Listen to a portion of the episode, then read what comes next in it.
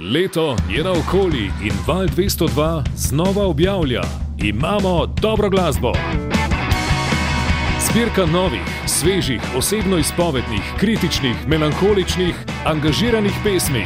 Val nič 12. Šanson Garage, The Vast Blasts, Bo, Kühlschrank, Gaber Brin, Grega Korošec, Žigec, Palio, Walter, Blue Sign, The Marvin Shot, House Mouse, The Drinkers, TMS Crew in Sedukt.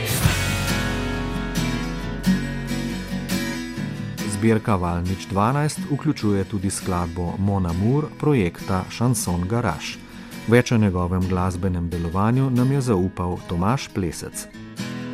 Tvoja kri mi govori, piši pesmi, ker te ni.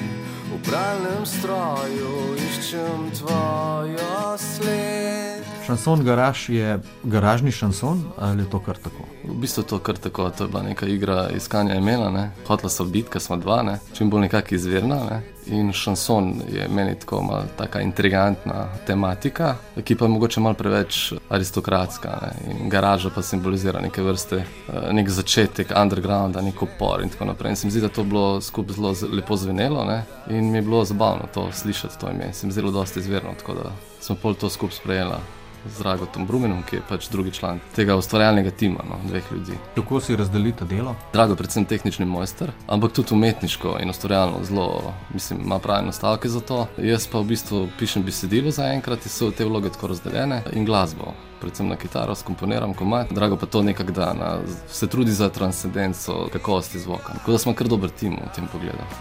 Delim si posteljo s psi in. Kako sta sploh prišla skupaj?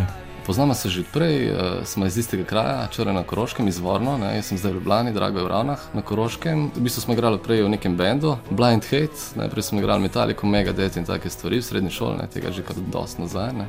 Potem smo tudi naredili neko svojo plato v okviru zasedbe Blind Hate. Glih takrat, ko smo mi to naredili, smo pa tudi razpadli, ker se nismo strinjali z nekimi glasbenimi pogledi. In življenje je šlo potem svojo pot, na kar sem jaz nekako skozi bil v stiku z glasbo in sem nekje mogoče zdaj v zrelejših letih začutil neko potrebo, da mogoče pa le kaj povem in ustvarim. In sem rabo nekega kreativca in ustvarjalca, ki bi meni to šel nekako skupaj, da bi se dobro ujela. Ne? In drago, v bistvu že takrat smo imeli dosti podobne poglede. On pa tudi je bil pripravljen sodelovati.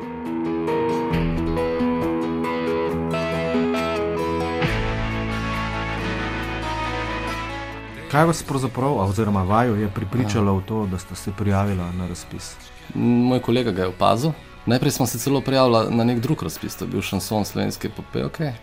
Uh, s tem komadom, ki ga bomo zdaj predstavili, uh, smo delali na tem in hkrati smo opazili ta razpis, val 202, imamo dobro glasbo in nekako glih so upadlo s tem časom, ki smo mi do to ustvarjali. Tako da smo rekli, zakaj pa ne poskusimo tega, ne malo za spodbudo, da vidimo, kje stojimo in tako. V bistvu čisto slučajno. Pa je bila to pravzaprav edina skladba, ki ste jo do takrat ustvarila, ali ste imela še kakšno drugo? Do takrat smo v bistvu imeli ene tako tri demote, treh skladb, zdaj sta te dve nekako dodelani, ne? ta prva je posneta, druga pa v bistvu mogoče še malo kaj bo treba narediti, ampak boste jo čuli pol v nadaljevanju kot demo. Tako da to sta zaenkrat dve skladbi. Je pa še deset skladb, ki so tako skicirane, bi rekel. Ne? V bistvu nočemo delati pod nekim pritiskom, nimamo nekih ambicij v smislu, da bi zdaj nek cilj imela. Cilj je ustvarjati, delati dobro glasbo in potem naj ta glasba ima svoje življenje, svojo pot.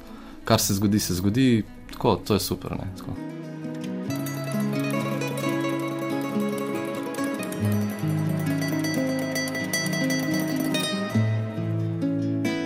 Katera od skladb na plošči Valnič 12 ti je ostala najbolj v ušesu? Meni je bil zelo impresiven komat Blues Sin. Odličen komat, eh, tako, sicer ni komercialen, tako, ampak fantastičen začetek, fantastičen uvod, tudi fantastičen zvok. Ta komat v bistvu se mi je zdel najbolj tako, umetniški presežek. Potem pa še, uh, mislim, da je en komat na kompilaciji, ki je za nami, uh, Gašpor Brin, taka zelo šikarska. Gabor Brin, ja. Gabor Brin, pardon. Tako v bistvu zelo v tem mehurčku, iz katerega pač on obdeluje to tematiko, fantastično. Ne? Ta tema, delovska in tako. Sicer mogoče depresivna, ampak v tem oziru zelo dobra mala zgodba, odlična. Ne? Tako da ta komat mi je tudi ostal recimo v spominu. Vsi so zanimivi, vsi so dobri, tako zvokovno, mogoče še kul cool šrank je tako zanimiv. In ta zadnji komat, tudi instrumentalni, je tudi zelo zanimiv. Ampak v bistvu je kompilacija kot taka zelo raznovrstna in bila zanimiva poslušati. No. Ampak ta blues in blues sign, kako koli, ni bil fantastičen, no. tega bi izpostavil. Počasi diham pod vodo, družim se z jato srdin. Tvojem mnenju, kakšna je vloga javnega radia v povezavi s produkcijo domače glasbe? Mislim, da kompilacija imamo dobro glasbo, eh, simbolizira v praksi to, kar si jaz predstavljam kot vlogo javnega radia, da ne prepusti vse trgu, da ne zbanalizira celo zgodbo na neke komercialne in takšne in drugačne povezave, ampak da dejansko na samem terenu prever delo, neodvisno od tega, odkje to izvira, kakšno težo ima izvajalec in se oceni res delo, kakovostno ali ni. In mogoče tudi malo ta alternativni pogled, ki ga manjka na teh komercialnih radijskih postajah. Tako da meni se zdi to ena prav vloga. Bi rekel, tako kot bazična znanost. Ne. Mogoče nima aplikativnih učinkov, se zdi mogoče malo odvečna, ampak v osnovi se iz nje zvera. Ne. To so ustvarjalci trendov. Ne. Alternativa je vedno ustvarjalec trendov. Trendi sledijo v bistvu nekim zakasnelostjo, ne. Eh, mogoče nekim tem, potem, ki se malo raziskujejo ne, v glasbi. Tako da se mi zdi, da to.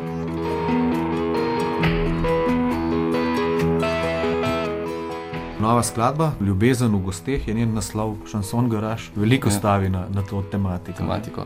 Ja, mogoče je tej tematiki meni najlažje pisati, res je, da je to univerzalna tema. Ne? Mogoče tudi eh, nekako bi se zgledoval po bitlih, kot mojih nekih harmoničnih ozornikih. Ne? To so tematike, ki so večne in neodvisno od časa. Zato mogoče niso teme tako angažirane, ne? časovno. Ampak se mi zdi mogoče škoda pisati nekaj o nekih politikih, ki so momentalne narave, medtem ko ljubezen je univerzalna in kot taka, tudi eh, prek nje metaforično lahko tudi kaj drugega poveš. Ne. Tako da mogoče zdaj v tem trenutku je pač tak moment. No. Mogoče mi to najlažje pisati. No. Ideja je taka v bistvu, ker imam bar dosti dela druge, na drugih področjih ne, in to je čisto tako kreativno veselje, namesto da grem mogoče v neke neproduktivne družabne zgodbe, eh, se v bistvu probam tu ustvarjati nekaj, če je kaj zapovedati, seveda, če ni kaj zapovedati, pač ne. Probamo ohranjati to kot čisto veselje, brez nekih preračunljivih kalkulacij. Mogoče nekje v podzavesti, seveda, to tudi je prisotno, ampak plan je tak, da delamo to in pol kar rata, rata. Nek cilj imamo zdaj, da vsake tri mesece naredimo neko mat in ko se bo teh komadov nekako nabralo, bomo izdala ploščo in mogoče neko predstavitev, potem bomo pa tudi videli, kak bo odziv. Ne? In v skladu s tem odzivom sem pol mogoče naredil zasedbo, ki bi tudi živo to izvajala. Zaenkrat ni problem, da bi to ne znalo živo izvajati, ampak je problem bolj logističen, časovni, finančni in tako. Tako da zaenkrat ustvarjam, ker je to v bistvu glede na čas, ki ga imam na razpolago, najlažje.